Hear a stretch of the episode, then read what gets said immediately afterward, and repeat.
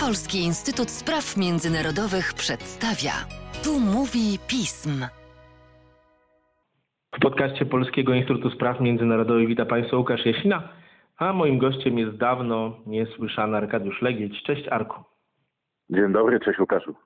Skoro ty to właściwie może być albo Kaukaz Południowy, albo Azja Centralna i dzisiaj padło na Azję Centralną, nagrywaliśmy już e, swego czasu taki bardzo sprawozdawczo-reporterski podcast o COVID-zie i Azji Centralnej i państwa wszystkich Azji Centralnej, ale dzisiaj chciałem porozmawiać z Tobą na ten temat troszeczkę szerzej w związku z Twoim publikowanym na stronie Polskiego Instytutu Spraw Międzynarodowych biuletynem na ten temat, na temat dalekosiężnych skutków tej epidemii dla, dla tego regionu położonego w niezwykle strategicznym i ważnym miejscu. Arku, jak rok 2020 zapisze się w politycznym znaczeniu państw Azji Centralnej? Jak już wiemy, pomimo tego, że niektóre państwa długo temu zaprzeczały, no to pandemia COVID dotknęła również Azję Centralną. Większość państw tego regionu, tutaj myślimy przede wszystkim o Kazachstanie, Uzbekistanie czy Kirgistanie, diagnozowały pierwsze przypadki zakażeń już w połowie marca. Pozostałe dwa państwa regionu miały troszeczkę z tym większy problem, ponieważ Tadżykistan jeszcze do końca kwietnia twierdził, że tego wirusa nie ma. Później jak go stwierdził, okazało się, że, że przyrost jest y, zakażeń na tyle dynamiczny i wysoki, że sytuacja w kraju naprawdę robi się dramatyczna. Też również w związku z tym, co warto wspomnieć, do Tadżykistanu udał się y, polski zespół ratunkowy ratowników medycznych prowadzonych przez Polskie Centrum Pomocy Międzynarodowej, więc to jest też jakiś tam nasz polski wątek przebiegu pandemii w Azji Centralnej. Jednakże ten przykład Tadżykistanu pokazał nam, że dane na pewno w całym regionie, jakie posiadamy, są zaniżane, a władze robią wszystko, żeby albo nie przyznawać się do pandemii, albo przyznawać się do niej jak najpóźniej i jak w najmniejszym wymiarze. Jeżeli Tadżykistan się spóźnił z reakcją, no to mamy jeszcze ta Turkmenistan, który wciąż pozostaje jednym z 12 państw świata, w których oficjalnie tych przypadków nie stwierdzono ale jak wiemy ze źródeł nieoficjalnych, no, tych, tych zakażeń koronawirusem w tym kraju jest no, co najmniej kilkaset. Nie mamy dokładnych danych, ponieważ władze konsekwentnie temu zaprzeczają. Do dzisiaj do Turkmenistanu nie wjechała misja Światowej Organizacji Zdrowia. Ma to mieć miejsce w lipcu i szczerze mówiąc jestem ciekaw, y, jak to wpłynie na politykę informacyjną władz Turkmenistanu, ponieważ po analogicznej wizycie władz WHO w Tadżykistanie Dopiero wtedy władze, z uwagi na okoliczności i to, że nie dało się tuszować już bardziej rzeczywistości, były zmuszone, żeby przyznać, że mają koronawirusa. Być może będzie podobnie w Turkmenistanie. Zobaczymy. Największe państwo regionu, Kazachstan? No więc właśnie, Kazachstan należy do tej, tej trójki państw, które już w marcu stwierdziły zakażenia i konsekwentnie zaczęły na niego reagować. W przypadku Kazachstanu mówimy o podobnym zjawisku jak i w Uzbekistanie sąsiednim, ale jak na przykład w Turcji, czyli tak zwanej koronadyplomacji, czyli chęć wykorzystania pandemii do celów propagandowych, do celów wizerunkowych przez władze państwa. Kazachstan oczywiście podjął bardzo szybko y, działania na swoim własnym podwórku wewnętrznym, wprowadził restrykcje, zamykał miasta, ograniczał transport ludzi, zam, zamknął granice, czyli wszystko to, co się działo w większości państw świata a dodatkowo wysyłał konwoje humanitarne do biedniejszych państw regionu, takich jak Kirgistan, Tadżykistan, Afganistan oraz zapowiadał prawda, włączenie się w badania światowe nad, nad szczepionką, wykorzystując ten kazachski model wal, walki z wirusem. Zgodnie z, jakby z przekazem władz kraju to miało być takie połączenie dobrej organizacji państwa i dyscypliny społecznej. Jak jednak widzimy, w przypadku i Kazachstanu i wszystkich pozostałych państw regionu, one zaczęły od maja stopniowo odmrażać gospodarkę. Nie dlatego, że poradziły sobie już definitywnie z epidemią, tylko po prostu taka była konieczność gospodarcza, aby nie doprowadzić do yy, tak gwałtownego kryzysu, jaki mógłby być spowodowany dalszym zamknięciem gospodarek. Okazało się jednak, że poluzowanie restrykcji znowu prowadzi do gwałtownego wzrostu zachorowań i te restrykcje znowu są wprowadzane.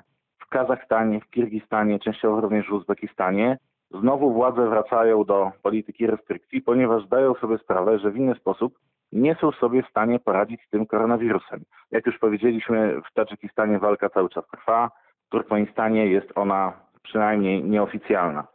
Stan obecnych zakażeń, zachorowań w tych krajach to oczywiście największe liczby mamy w Kazachstanie, bo to jest ponad 21 tysięcy. Druga liczba to jest Uzbekistan, 8 tysięcy, Kirgistan 5, no i ten Tadżykistan, który praktycznie jako ostatni dołączył do wyścigu, niemal 6 tysięcy. Tylko tutaj podkreślmy, to wszystko są dane oficjalne i nie dlatego, że jesteśmy złośliwi, tylko dlatego, że obserwujemy sytuację. Te dane z całą pewnością nie odzwierciedlają prawdziwej skali zachorowań, która jest o wiele, wiele wyższa, szczególnie w Tadżykistanie, gdzie, gdzie, gdzie władze spóźniły się z reakcją. I to jest to, jak wygląda sytuacja obecnie dotychczas z koronawirusem. Ale jak wspomniałeś, bardzo ciekawe i poważne są te konsekwencje, na które zaczynamy powoli patrzeć No do tak. przodu. Jakie?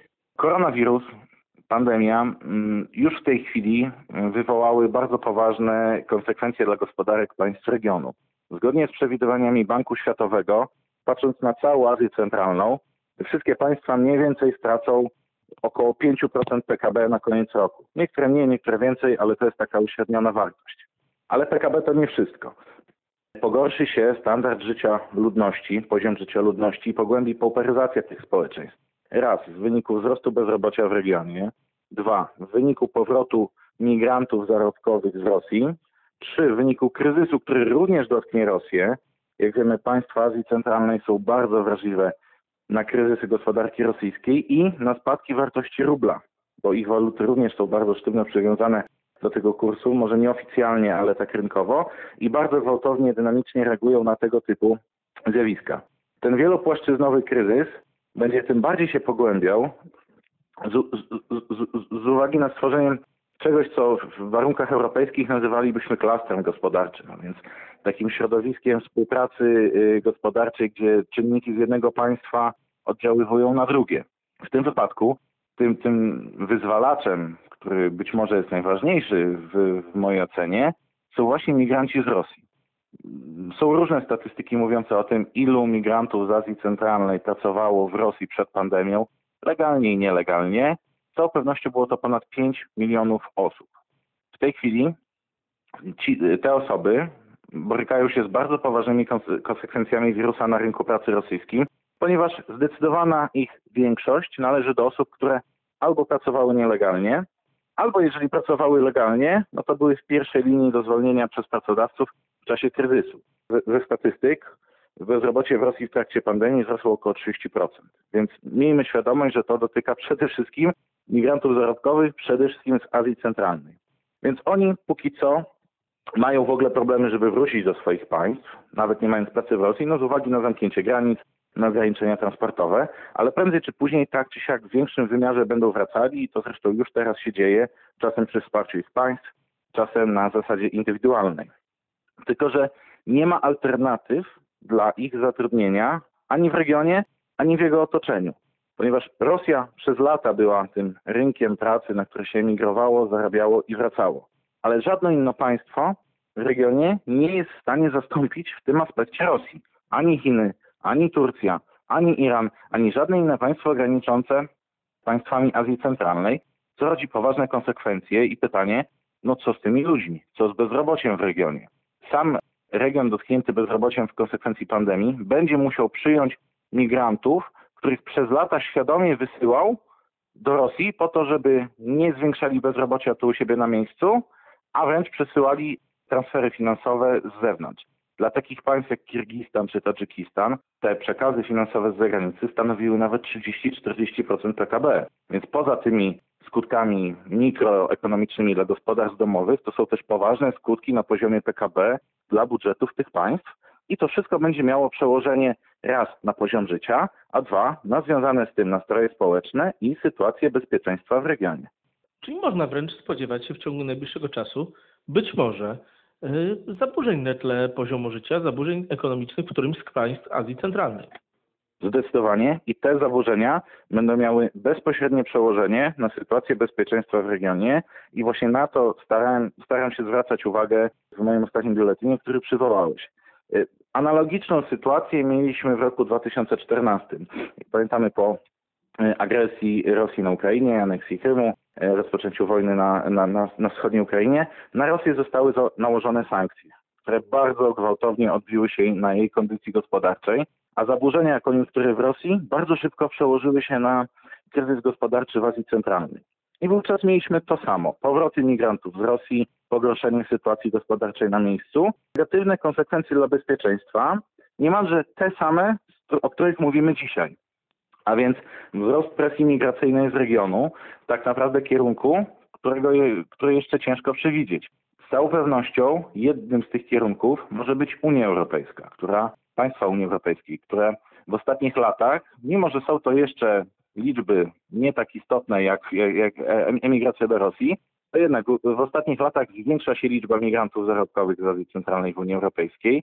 Zwiększa się również konsekwentnie, konsekwentnie liczba migrantów politycznych, azylantów, którzy uciekają przed represjami z tego regionu i kierują się w tym celu do Unii Europejskiej. To, że pewne szlaki zostały już utworzone i przetarte przez tego kierunku migracji, będzie miało zdecydowanie znaczenie w sytuacji obecnej, kiedy pracownicy z regionu będą poszukiwali nowych rynków pracy, bo zdecydowanie będą tego robili, bo to jest konieczne dla nich i dla ich państw.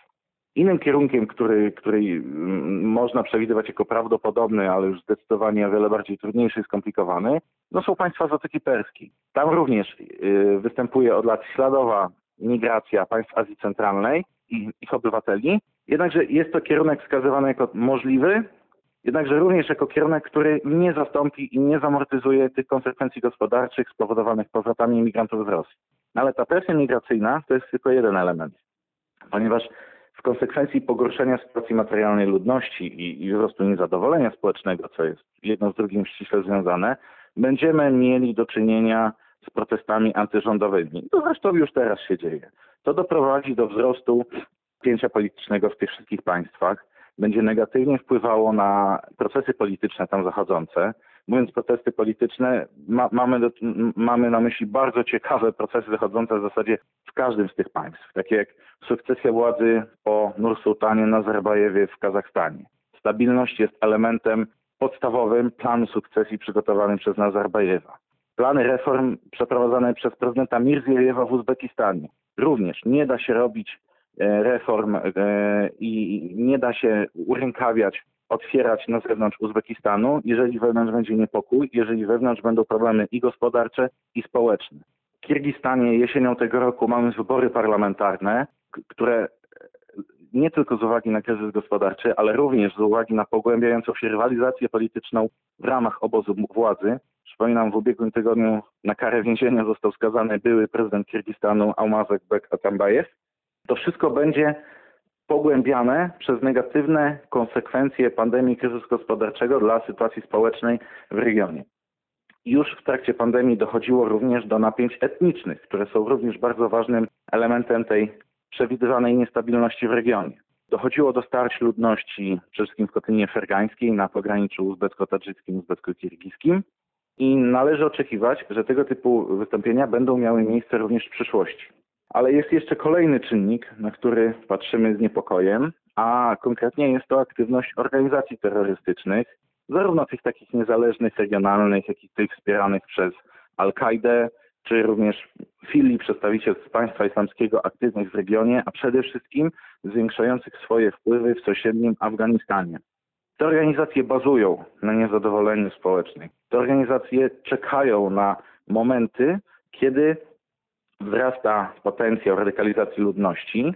Czekają na momenty, kiedy ludzie nie mają wyboru i dołączanie do ich struktur jest tak naprawdę bardzo często jedyną sensowną alternatywą zarobkową dla obywateli państw regionu i z całą pewnością będą tą sytuację wykorzystywały. To samo działa, działo się po 2014 roku, znowu ta data, o której już wspominaliśmy. Wówczas kilkuset bojowników z państw regionu kilka tysięcy de facto, dołączyło do szeregów państwa islamskiego w Iraku i Syrii.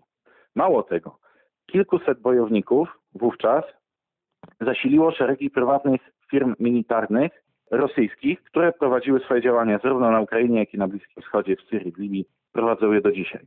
Wówczas stworzone kanały rekrutacji bojowników, najemników w tym regionie będą ponownie wykorzystywane obecnie, zarówno przez organizacje terrorystyczne, jak i przez prywatne firmy militarne z Rosji, w konsekwencji czego możemy się spodziewać, że ci ochotnicy, najemnicy, bojownicy z Azji Centralnej w coraz większym stopniu będą widoczni w takich konfliktach, które w dalszym ciągu się toczą w sąsiedztwie Unii Europejskiej, jak Libia, jak Syria, a może w mniejszym stopniu, ale również na Ukrainie.